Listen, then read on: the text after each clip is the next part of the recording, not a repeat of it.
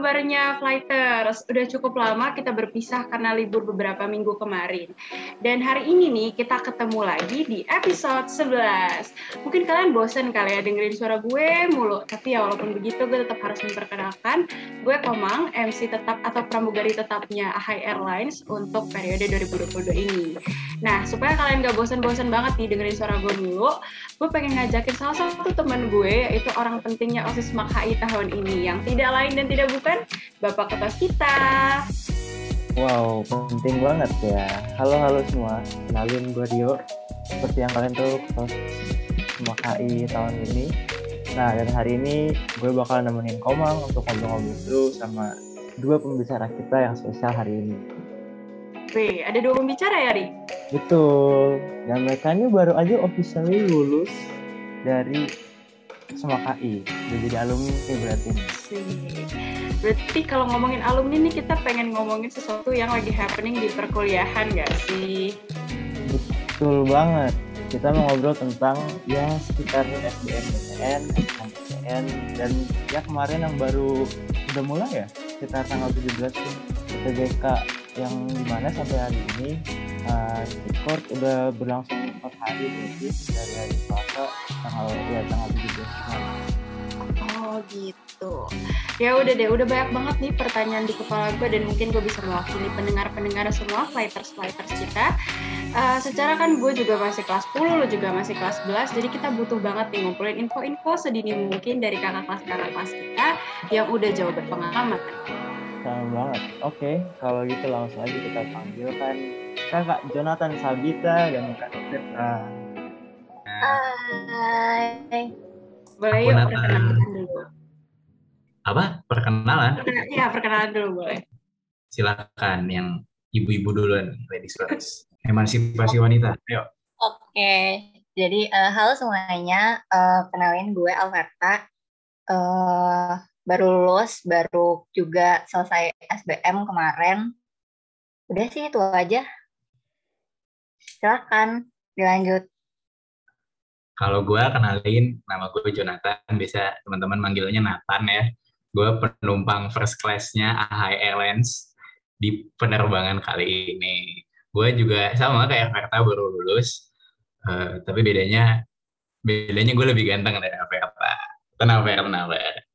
Gue belum mau ke situ dulu. Nanti dulu ya. Oke oke, boleh pertanyaan pertama langsung masuk aja dari Karyo. Oke siapa sih paling ganteng gitu ya. Oke, okay, untuk uh, kedua pembicara kita hari ini, pertanyaan pertama bernilai, waduh, jadi di family status bukan ya.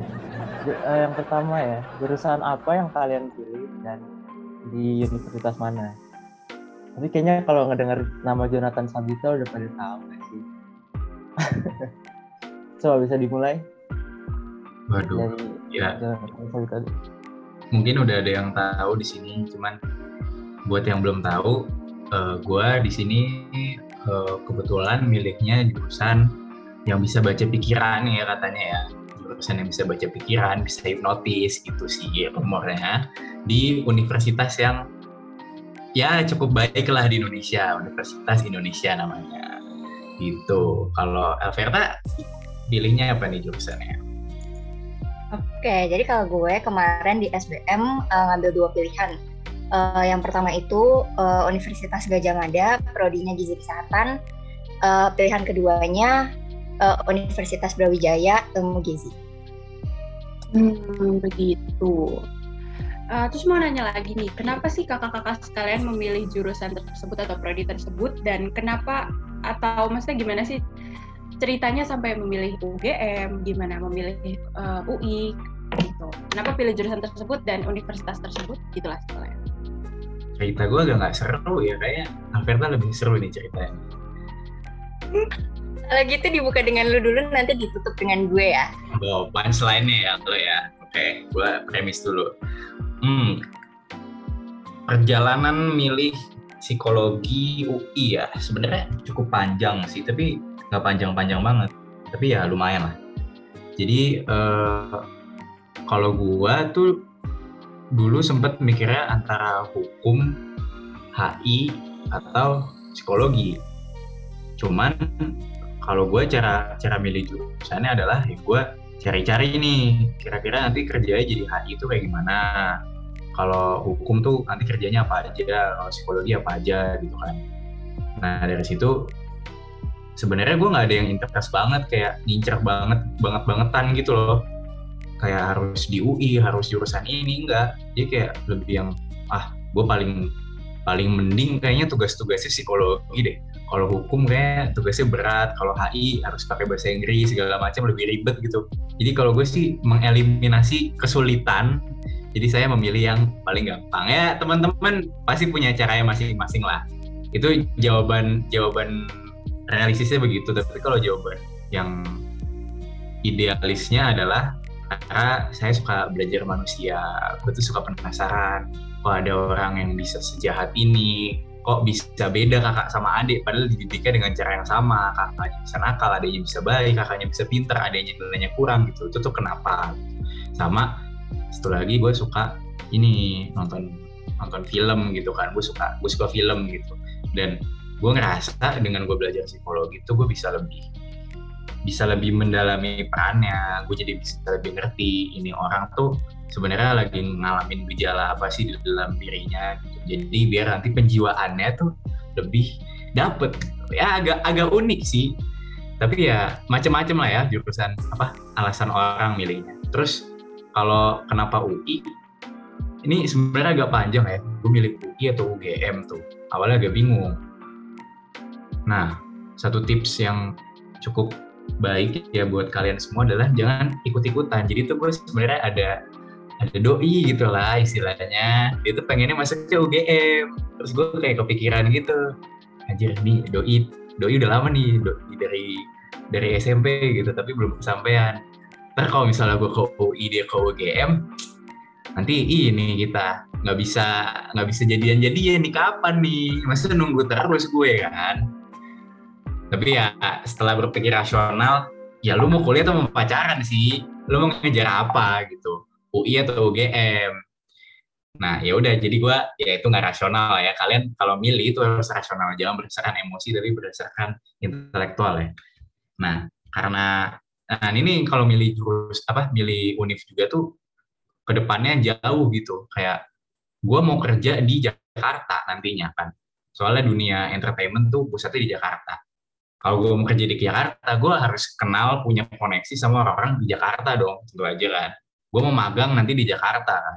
Ya, jadi gue pilihnya di UI, nggak di UGM, karena gue nggak mau ini di Jogja. Dan awalnya kan mikir ya Jogja tuh lebih santai, lebih asik kayak buat belajar ya. Suasananya itu yang nyelo, bisa nongkrong, banyak tempat wisata juga kalau stres bisa healing gitu. Nah, terus yang ngebuat gue jadi mengurungkan niat adalah kayak ya lo mau jalan-jalan lo mau liburan atau mau kuliah? gitu kan pertanyaannya. Ya gue mau kuliah ya cari yang hasil cari yang keras di UI biar lo kebentuk gitu. Ya gue nggak mengesampingkan UGM jelek UGM santai-santai atau gimana tapi kalau pertimbangan gue sih ya tadi yang terutama tadi tuh lo mau kerja di mana? Itu tuh penting banget. Oke maaf kepanjangan ngebacot ya sekarang kita ke punchline-nya nih ya, ceritanya lebih seru nih, perjalanan lebih berlika-liku ya. Silakan Mbak Verta. Oke, jadi kalau gue uh, awalnya dari SMP sih udah mulai suka sama kayak ranah kesehatan gitu kan. Terus uh, dari SMP tuh sebenarnya pengen masuk uh, FK, FK yang benar-benar pendidikan dokter gitu. Cuma makin berjalannya waktu uh, sampai di kelas 10 pokoknya uh, makin banyak pertimbangan nggak milih uh, pendidikan dokter jadi salah satu pilihannya. Uh, itu juga banyak faktor sih. Terus akhirnya singkat cerita uh, coba nyari-nyari yang tetap di ranah kesehatan tapi uh, selain pendidikan dokter gitu. Terus akhirnya research research uh, tentang ilmu gizi uh, terus uh, ngelihat dari matkul-matkul yang akan dipelajari selama eh, empat uh, tahun kok kayaknya uh, lumayan suka dan bakal enjoy gitu. Terus waktu kelas 10 kan uh, ada psikotes ya di awal-awal kalau nggak salah. Nah uh, di salah satu rekomendasi jurusannya kebetulan uh, dimension ilmu gizi. Jadi uh, ya udah pada akhirnya netepin untuk uh, milih jurusan uh, gizi gitu. Terus abis itu abis milih jurusan baru netepin uh, universitasnya mau di mana. Uh, research research lagi tentang uh, universitas yang ada uh, jurusan gizinya. Itu tuh ada beberapa. Salah uh, salah duanya itu di UGM sama UB karena emang anaknya pengen kuliahnya jauh ceritanya pengen merantau gitu ya. Kalau Jojo tadi pengennya uh, di sini aja ya deket-deket aja di Depok ya kan. Kalau gue pengennya jauh gitu. Pengen nyobain ngerantau lah ya walaupun ntar katanya bakal ada homesick ya. Tapi nggak apa-apa. Itu namanya perjalanan hidup harus kita jalanin ya. Terus uh, ya udah kira karena uh, berbagai pertimbangan juga terus uh, emang pengen kuliah emang dasarnya pengen kuliah jauh gitu kan. Dan kebetulan dibolehin juga. Jadi uh, terpilihlah UGM sama UB uh, sampai uh, kenapa milihnya urutan pertama pilihan pertama pilihan keduanya UGM sama UB itu biasanya sih karena pertimbangan ini sih kayak kalau SBM itu ada kayak tingkat keketatannya gitu. Makanya akhirnya milih pilihan satunya UGM uh, pilihan duanya UB gitu sih. Oke oke. Berarti banyak pertimbangan ya yang bikin apa ya milih ini apa itu gitu. Um, kalau dari uh, Kak Jojo sendiri tadi karena prospek kerja, terus juga karena um, lingkup kerjanya di Jakarta, jadi pilihnya di Jakarta. Kalau Kak Verta, emang anaknya suka explore kali ya, pengen coba-coba selain Jakarta gitu, supaya ke depannya lebih mengenal uh, di luar zona nyamannya. Oke, kalau gitu boleh dilanjut ke pertanyaan selanjutnya, Karyo. Oke, pertanyaan yang ketiga, berarti ini ya, yang ketiga ya. Hmm. Uh, tahu yang kalian dapat atau udah research lah ya istilahnya jalur-jalur masuk PTN tuh ada apa aja sih? Kan Jojo nanti gue baru nambahin. Oke, jalur-jalur masuk PTN ya. Mungkin yang umum-umum aja itu tuh kalau jalur masuk PTN yang kalian pasti tahu tuh ada SNMPTN, alias jalur undangan sama SBMPTN atau jalur tes. SBMPTN itu kalian harus UTBK, ujian tes berbasis komputer. Nah, itu yang umum tuh. Nah, nanti sisa-sisanya tuh ada sendiri tergantung kebijakan si universitasnya. Mungkin gue jelasin yang di UI aja ya. Kalau di UI itu ada banyak nih. Jadi kalau di UI ada masuk SNMPTN tadi, ada PPKB, ada talent scouting, ada UTBK, ada SIMAK.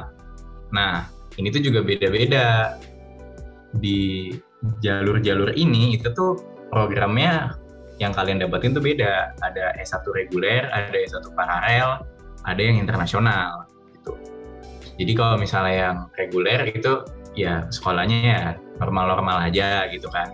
Anak SMA baru lulus masuk situ. Itu tuh ada batasnya. Singkat gue dua tahun. Jadi dua tahun lulus SMA itu masih bisa masuk ke yang reguler. Kalau yang paralel ini dia nggak ada batas umurnya. Jadi misalnya lo mau nenek-nenek, kakek-kakek gitu, ya lo mau masuk UI tetap bisa. S1 paralel, tapi itu jalurnya yang paralel ada PPKB namanya. Sama SIMAK juga bisa tuh paralel. Nah kalau PPKB ini tuh sebenarnya mirip kayak SNMPTN, kalian pakai nilai.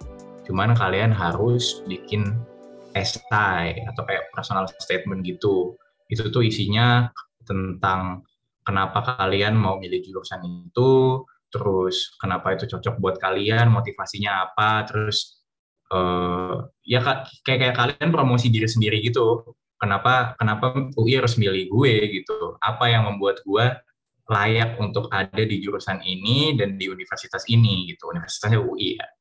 Itu yang PPKB. Kebetulan gue ikut PPKB juga. Jadi anak SNM itu bisa ikut PPKB juga gitu terus kalau simak itu ujian mandiri jadi kalian ya habis UTBK kalau nggak keterima ikut ujian tulis lagi tapi soalnya dari UI soalnya ini beda nih sama UTBK materinya juga beda. Nah kalau si simak ini kalian sekali bayar itu bisa eh, ikut tiga sih inget gue ya? Enam. Enam ya ya kalian boleh milih 6 mau paralel mau reguler mau uh, apa namanya? Mau jurusannya apa juga. Pokoknya maksimal 6 gitu. Jadi banyak sekali bayar bisa buat 6 gitu. Terus bedanya satu lagi sama uang pangkal ya. Kalau misalnya reguler tuh nggak ada uang pangkal Samsung. Kalau misalnya paralel dia ada uang pangkal. Oh sama tadi internasional itu jalurnya talent scouting. Itu mirip kayak PPKB kalian pakai nilai rapot sama buat personal statement gitu. Tapi pakai bahasa Inggris. Sama ada nilai TOEFL juga jangan lupa. Gitu. Nanti kalau yang PPK eh yang talent scouting kelas internasional KKI itu tuh ada satu semester kuliah di luar negeri. Kalian bebas eh apa ada pilihannya gitu. Misalnya kayak temen gue ada yang ngambil kedokteran, pilihannya UK sama Aussie. Tuh. Ya nanti kalian bisa cari-cari sendiri lah lebih lengkapnya di Ya, silakan dilanjutkan Verta. Oke, kalau tadi udah SNM, SBM, sama sedikit uh, yang ketiga itu uh, dimension adalah mandiri ya. Terus uh, kalau mandiri itu pengen nambahin aja sih, kalau mandiri itu biasanya diselenggarain uniknya sendiri gitu. Kayak tadi uh, Jojo udah mention uh, UI, dia menyelenggarain mandirinya itu namanya SIMAK. Jadi kalau SIMAK itu dia tes lagi, sama kayak uh, UGM. UGM juga uh, ujian mandirinya itu uh, disebutnya utul. Jadi uh, memang tes lagi dengan materi yang beda lagi gitu. Terus uh, sebenarnya di luar itu pun uh, ada banyak jalur lain kayak uh, jalur prestasi itu juga banyak banget dibuka jalur uh, yang pakai masuk uh, pakai rapot atau pakai uh, kita kayak apply sertifikat gitu misalnya selama SMA kalian punya sertifikat kayak uh, menang lomba uh, yang tingkat nasional juara 1 2 3 itu biasanya bisa di-apply. Jadi uh, itu inisiatifnya dari diri kalian yang masing-masing aja sih untuk nyari ke universitas tujuannya. Jadi kalau misalnya mau mention sedikit lagi kayak UGM gitu, itu dia ada jalur namanya PBU. Nah, PBU itu adalah penelusuran bibit unggul. Nah, di PBU itu juga dibagi jadi tiga lagi. Ada PBU, eh, PBU SMAK, terus PBU, pokoknya ada beberapa gitu. Uh, ada yang untuk kayak kemitraan, tidak mampu sama uh, kalau misalnya kayak juara kelas gitu deh kalau nggak salah. Uh, pokoknya itu bisa dicari di uh, di biasanya di website universitas yang kalian pengen tuju gitu sih. Uh, kayak Unpad juga ada masuk uh, jalur prestasi pakai raport gitu. Terus uh, ada jalur ketos juga biasanya. Itu tuh uh, kalau di daerah Jawa yang paling diincar itu IPB. Terus uh, udah sih kayaknya uh, pokoknya balik lagi ke universitasnya masing-masing. Jadi uh, pakai waktu yang ada buat nyari uh, info sebanyak-banyaknya jalur masuk karena uh, selain SNMPTN, SBMPTN dan Mandiri itu juga banyak dibuka uh, jalur lain gitu sih. Dan tiap tahun juga bisa beda-beda ya jalurnya kayak tadi Verta sempat mention Japres, UI itu tahun-tahun sebelumnya nggak ada Japres, baru tahun ini dia ada Japres. Jadi teman-teman harus banyak-banyak update aja. Gitu deh. Oke, berarti banyak banget ya teman-teman uh, jalur-jalur yang bisa ditempuh untuk ke universitas impian masing-masing.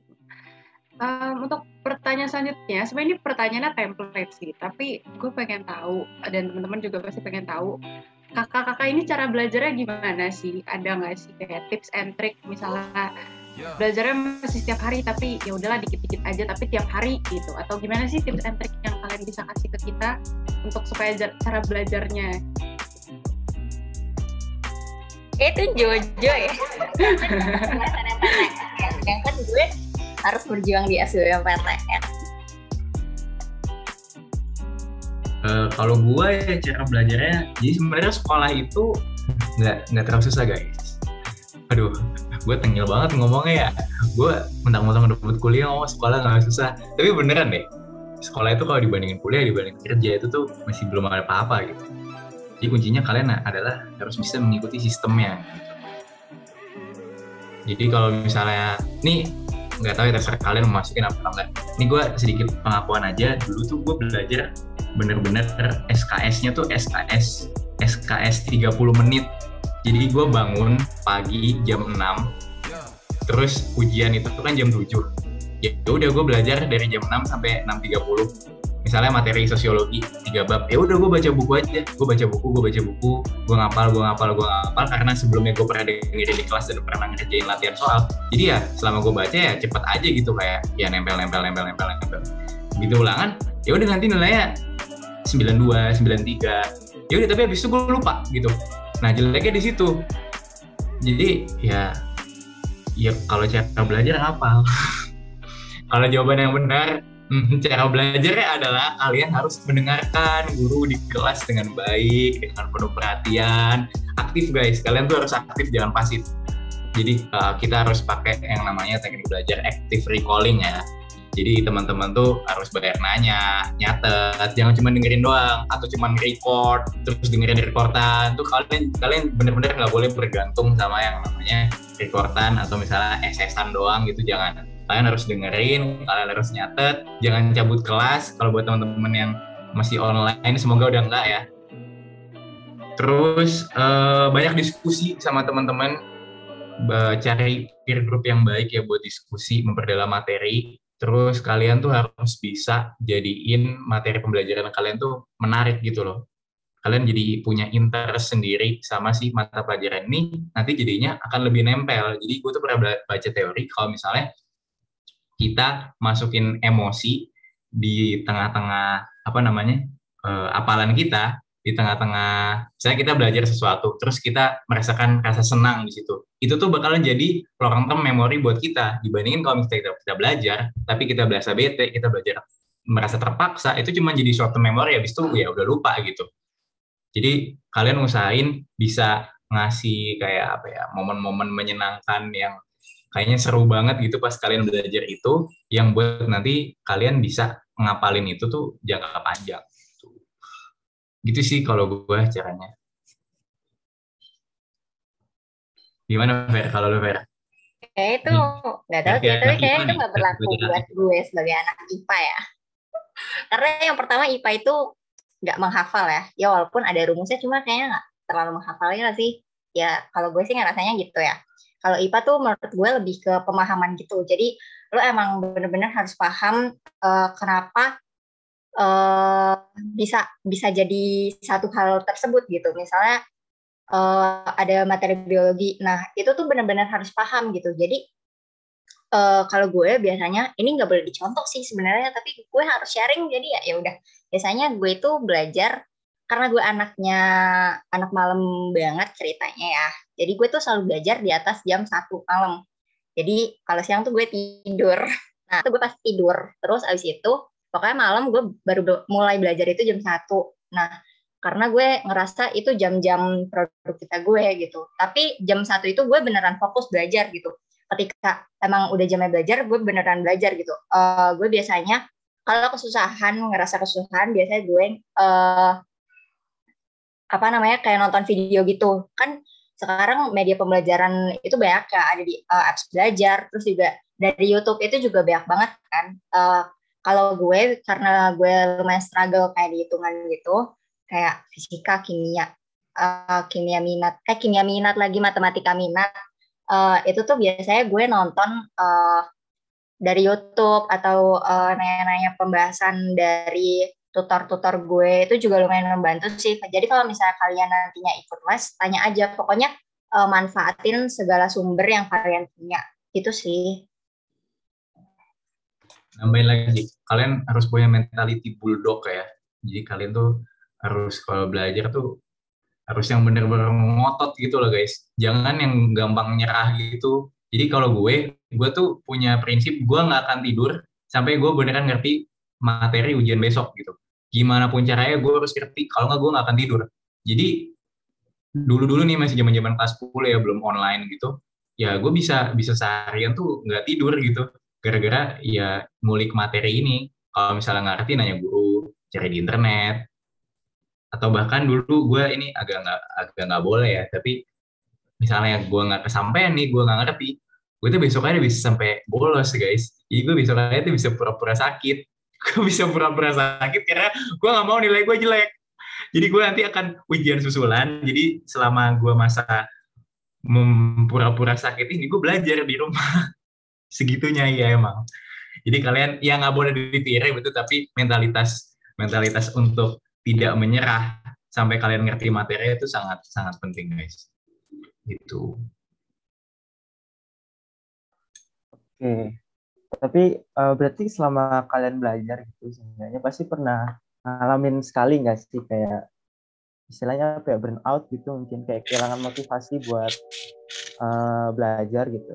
Dan apakah udah pernah kayak ada pengalaman yang bisa di-share buat kayak cara ngadepinnya, cara kita istilahnya kayak balikin motivasinya lagi? ya Kalau misalnya ngerasa burnout ya berhenti. Itu kalau gue ya.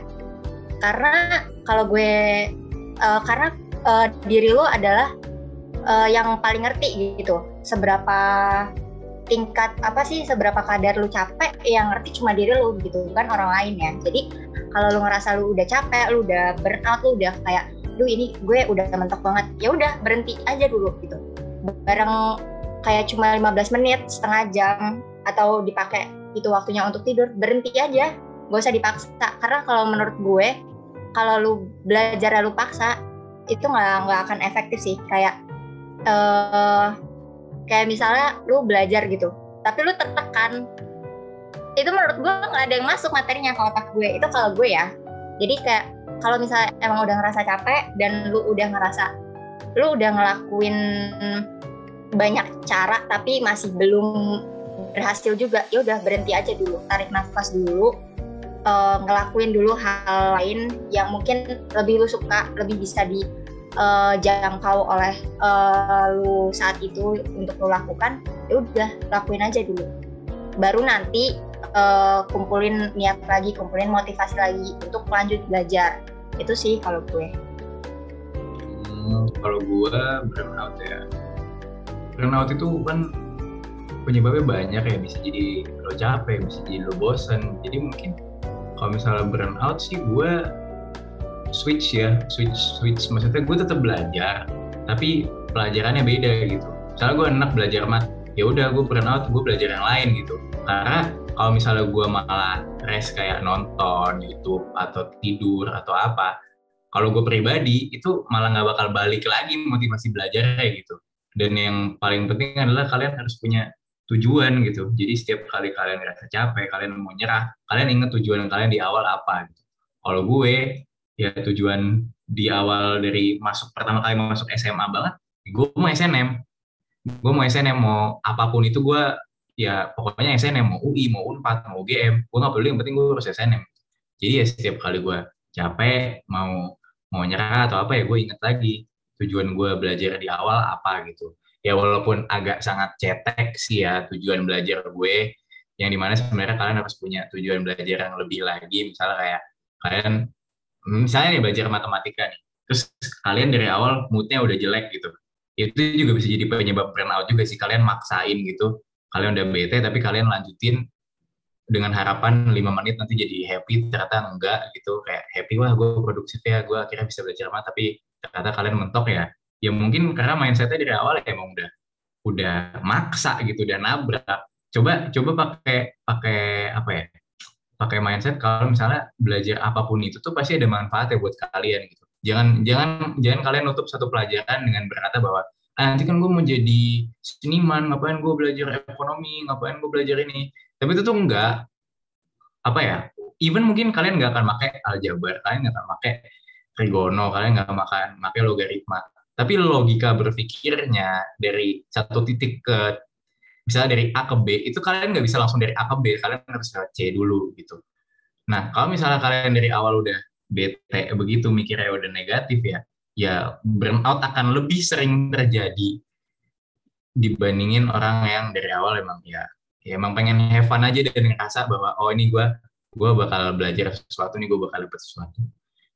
Kalau udah begitu dan masih burnout ya ya apalagi selain istirahat karena gitu sih kalau gue Oke, berarti purpose itu penting banget dan kalau misalnya udah capek, ya udah istirahat gitu. Jangan terlalu dipaksain karena nggak akan ada ujungnya gitu, nggak akan ada manfaatnya. Nah, ini gue punya dua pertanyaan terakhir yang cukup personal karena Kak Jojo experience di SNM, Kaverta di SBM, mungkin gue baca Jojo dulu kali ya SNM. Um, tadi kan kita udah ngomongin tentang cara belajar, terus motivasi dan lain-lainnya. Yang pasti dipertanyakan banget nih sama orang-orang awam jenis gue. Kalau misalkan mau masuk SNM, apa aja sih berkas-berkas yang perlu disiapin dan gimana cara daftarnya? Mungkin itu balik lagi ke universitas masing-masing, tapi apa aja yang perlu disiapin? Yang perlu disiapin itu adalah kegigihan hati kalian. Jadi kalian harus mempersiapkan kedisiplinan kalian, keteguhan hati kalian. Tuh. Kalian harus siapin banget. Itu yang pertama. Beneran guys. SNM tuh butuh bensin yang banyak banget untuk tiga tahun belajar. Kalau dokumen, dokumen sih rapot ya. Rapot yang bagus tentu saja rapot-rapot yang grafik nilainya itu antara naik atau rata gitu. Jadi usahain banget jangan sampai turun kalaupun turun turun dikit-dikit aja. Dan jangan di semua mata pelajaran ya kalau bisa mata pelajaran yang utama tuh yang ada enam. Kalau misalnya IPS ya kayak sosiologi, geografi dan lain-lain. Kalau IPA yang fisika, matematika minat gitu-gitu tuh jangan sampai turunnya itu usahain stabil itu selama lima semester ya. Jadi semester 6 tuh nggak kepake. Jadi kalau kalian mau pakai strategi kayak gue dulu, uh, itu tuh gue fokus bener-bener tugas segala macam gue kerjain tepat waktu, gue kerjain dengan semaksimal mungkin. Ujian gue fokus banget itu sampai semester 5 aja. Semester 6 gue udah fokus UTBK. Jadi pelajaran sekolah gue udah mulai gue tinggal tinggalin sampai gue remet lima kali ya. Itu jangan dicontoh tapi ya ya begitulah karena gue ngerasa ya apa gunanya lagi gue belajar semester 6 kan? Karena yang dipakai cuman sampai rapot semester 5 itu tuh nilai pengetahuan sama nilai uh, keterampilan tuh difotoin juga. Jadi itu penting juga guys buat kalian perhatiin tuh nilai rapot itu berkas yang pertama berkas yang kedua nah sertifikat. Ini juga punya poin yang sangat krusial ya bisa jadi pembeda banget nih misalnya nilai gue sama nilai Alverta sama nih tapi gue punya sertifikat Alverta nggak punya. Nah gue akan lebih dilihat karena gue dapat plus poin. Jadi kalau misalnya SNM itu eh, kemarin ya gue baca-baca tuh sistem penilaiannya adalah nilai rapot lo dikali indeks eh, sekolah lo ditambahin sama poin sertifikat lo nah jadi teman-teman harus banyak-banyak ini ikut lomba. Terutama cari lomba-lomba gede karena poinnya gede uh, kayak lomba-lomba yang kelasnya udah provinsi, nasional atau bahkan internasional karena tahun gue sama Verta SNMPTN itu sertifikat yang dimasukin cuma boleh yang provinsi ke atas. Jadi di, selain itu tuh nggak boleh nggak boleh dimasukin gitu nggak nggak bakal dilihat sama si universitasnya. Udah sih itu aja kalau dokumen SNM cuman penilai rapot sama itu terus kalian jangan lupa juga buat uh, ini ngecek nilai rapot kalian yang dimasukin sama guru BK di PDSS sama nilai rapot asli kalian. Itu tuh harus sama persis guys. Karena sempat ada kejadian beberapa tahun lalu anak SNM mendaftar di UI dia nggak keterima gara-gara nilai rapotnya dia sama nilai PDSS-nya tuh nggak sesuai. Bisa jadi ada yang lebih tinggi atau lebih rendah gitu. Itu tuh sama UI langsung ditolak karena tahap pertama dari pendaftaran ulangnya si UI adalah verifikasi rapot yang ada, ada di PDSS dan di rapot asli teman-teman semua. Itu kalau di SNM. Kalau di UTBK gimana, Fer? Oke, jadi kalau di SBMPTN itu uh, yang diujiin itu hidup, nggak bercanda. Uh, uh, itu tergantung ya kalian milih rumpun apa. Yang pertama itu pasti uh, kalian harus tentuin mau rumpun apa, saintek, uh, atau sosum atau campuran yaitu saintek dan sosum gitu. Uh, kalau misalnya kalian pilihnya saintek, jadi sebenarnya uh, basically sama sih. Uh, ada tiga tes. Yang pertama itu uh, TPS, skolastik. Terus ada TBI, tes bahasa Inggris. Kebetulan mulai dari tahun gue, tapi nggak tahu sih, kayaknya tahun ke bawahnya juga akan kayak gitu uh, tes bahasa Inggrisnya itu dibikin tes lagi gitu, dibedain gitulah tesnya. Uh, sama tes TKA namanya. TKA itu yang kayak sesuai uh, rumpun kalian. Jadi kalau misalnya kalian milihnya Saintek, berarti kalian akan diujikan TKA Saintek. Tapi kalau misalnya kalian sosum, ya berarti yang diujikan adalah sosum gitu. Atau kalau misalnya campuran ya berarti dua-duanya. Tapi tenang aja kalau campuran waktunya juga akan lebih banyak ya. Jadi uh, nggak perlu takut kalau misalnya kalian mau pilih campuran uh, waktunya akan sama enggak. Uh, waktunya akan lebih panjang pastinya. Yang diujiin itu kalau TPS-nya itu uh, PU, PK, PBM, PPU.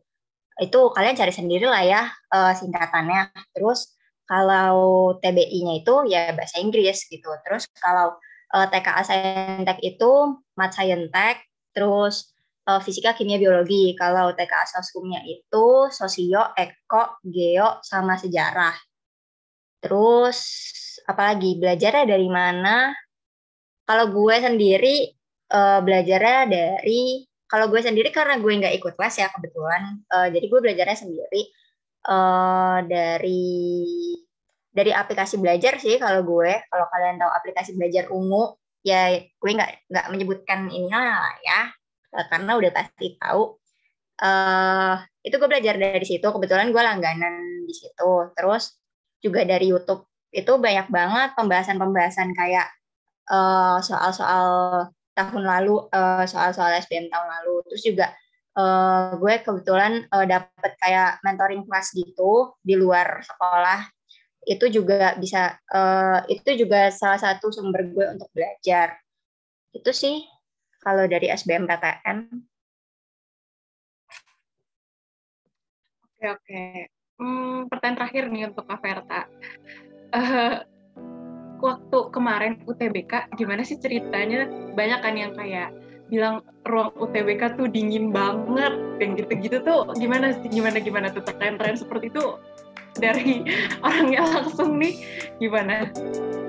Oke, karena kebetulan gue baru baru UTBK dua hari yang lalu ya. Uh, kalau sikon pas di ruangan gue kebetulan enak sih ya. Jadi uh, kalau kalian pertama kali daftar SBMPTN yang perlu kalian masukin itu adalah pusatnya biasanya. Pusat UTBK-nya biasanya itu ada di cuma beberapa universitas doang. Uh, setelah itu kalian baru uh, dapat lokasi UTBK-nya gitu. Jadi pilih kalian cuma bisa milih universitas uh, untuk apa pusat UTBK-nya aja gitu. Nah kebetulan gue kemarin milih pusat di UI uh, dan kebetulan gue dapet uh, lokasinya di uh, Fakultas Teknik. Gue dapet di Puskom Pusat Komputer uh, Puskom GK 207. Uh, kebetulan gue sesi satu jadi pagi. Uh, kebetulan enak sih kalau gue. Kenapa gue milih pagi? Ini cerita aja ya kenapa gue milih pagi? Karena gue nggak mau siang. Karena kalau siang tuh kayak kalau lu udah dateng tuh kayak ada orang dari sesi satu tuh gue takut ngerasa ke pressure ngelihat muka mereka yang kayak habis ujian gitu kayak tegang banget kan biasanya. Jadi gue nggak mau ngelihat muka-muka itu. Jadi gue uh, memilih sesi pagi. Uh, kalau kebetulan di ruangan gue itu enak sih jadi nggak terlalu dingin. Eh, nggak uh, terlalu panas juga. Jadi kayak uh, anget gitu sih bisa dibilang. Pokoknya suhunya normal gitu karena kebetulan ada AC tapi jendelanya tetap dibuka. Kalau di ruangan gue tapi uh, kebetulan ada teman gue juga yang uh, eh, UTBK hari yang sama dengan gue. Katanya di ruangannya dia cukup dingin cuma uh, nggak yang sedingin kayak di kutub gitu sih. Jadi kayak tetap masih bisa ditoleransi lah nggak sampai yang kayak bener-bener menggigil gitu enggak. Jadi kalau misalnya kalian kedinginan ya bilang aja sama pengawasnya gitu. Minta di minta tolong diturunin suhunya. Eh dinaikin ya berarti dinaikin suhunya gitu sih. Lu nggak mau ngasih tips sih ini kayak daftar UTBK biar nggak kan banyak cerita-cerita tuh yang gue sampai harus ke Semarang buat ngerjain UTBK gue sampai harus ke Banten yang gitu-gitu uh, itu berarti sebenarnya triknya di pusatnya sih jadi kayak, tadi yang gue bilang kalian itu mendaftar SBMPTN itu uh, setelah masukin kayak biodata, uh, salah satunya itu uh, salah satu kayak tahap pendaftaran itu adalah milik pusatnya gitu kan. Nah kebetulan gue milih pusat di UI gitu. Tapi banyak kok pusat-pusat lain uh, kayak uh, kalau kalian mau lebih dekat itu tuh uh, ada yang di Jakarta Timur kayak uh, UNJ atau UPNVJ itu tuh uh, mereka kan lebih uh, ke Jakarta ya. Jadi menurut gue itu lebih dekat gitu. Jadi uh, bisa lebih menghemat waktu aja sih kalau menurut gue. Kenapa waktu itu gue milih UI? Karena gue ngerasa gue nggak akan kuliah di situ, jadi gue akan menggunakan kesempatan gue untuk UTBK di situ gitu sih. Terus uh, ini juga salah satu tips uh, sama trik sih bisa dibilang uh, dari gue. Uh, kalau kalian nggak mau dapet uh, UTBK yang benar-benar hari pertama sesi pertama kalian ikutin uh, updatean di Twitter atau di Telegram karena itu pasti banyak banget yang bikin kayak grup pusat UTBK itu kalau gue kebetulan waktu itu mengincarnya adalah gelombang satu tapi uh, hari-hari tengah gitu hari-hari ketiga hari keempat gitu. Terus uh, biar gue ngerasa lebih plong aja gitu. Kalau gelombang dua kayak takut udah terlalu banyak bocoran jadi gue takut ngerasa otak gue eh, nggak uh, siap gitu. Kayak takut aduh ada bocoran ini tapi gue belum ngerti materi ini gitu. Gue gue menghindari hal-hal kayak gitu sih. Jadi gue memilih gelombang satu dan di hari kebetulan gue akhirnya memutuskan untuk di hari ketiga. Itu sih jadi uh, ikutin updatean dari Twitter atau Telegram itu biasanya banyak banget.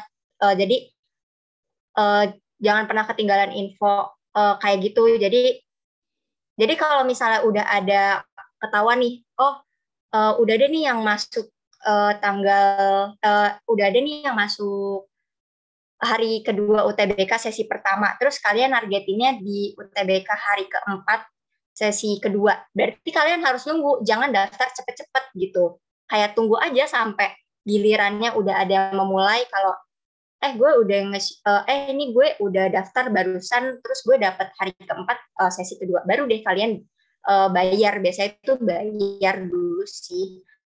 Terus udah sih itu aja pilih pusatnya yang terdekat dari rumah aja saran gue jadi uh, gak perlu jauh-jauh kayak gue jangan diikutin ya sebenarnya kayak gue tuh jangan gue nggak merekomendasikan jadi uh, pilihlah yang se ini dan kalian nggak bisa milih lokasi UTBK-nya karena itu kayak udah dari sistemnya. Jadi kalian kayak gue tadi udah bilang, kalian cuma bisa milih pusatnya. Kayak gue tadi pilihnya di UI dan uh, setelah itu tuh kayak di shuffle random gitu, randomnya random banget. Jadi kayak uh, ya udah gue dapetnya di Fakultas Teknik Puskom GK itu sih. Dan ke, temen gue daftar di hari yang sama, cuma beda uh, beberapa jam dari gue daftar, dia uh, dapetnya di FEB di lab lain gitu. Jadi kayak itu bakalan ngacak banget sih sistemnya gitu sih.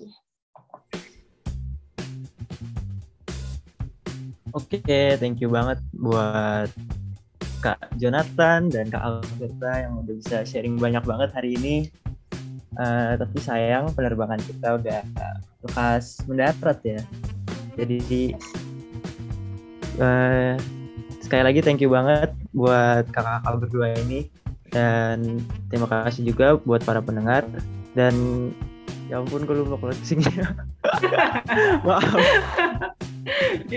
Uh, thank you banget pokoknya intinya thank you karena kita udah mendapatkan banyak sekali pencerahan ya Karyo malam ini kita yang ngobrol dan juga yang mendengarkan dan kita tayang setiap apa nih Karyo kita bakal tayang setiap hari Senin Oke, makanya dipantengin terus ya teman-teman. Kita bakalan ngobrol-ngobrol seru banget kayak hari ini nih. Jujur walaupun lama tapi ini gue menyimak dengan sangat baik. Semoga pendengar juga seperti flighters-flighters kita. Thank you semuanya. Sampai jumpa di penerbangan berikutnya. Dadah, boleh on mic. Dadah, dadah teman-teman. Dadah guys. Dadah. Stay hungry, stay foolish guys. Dadah. Aduh kayaknya harus disensor nih, harus di-cut ya.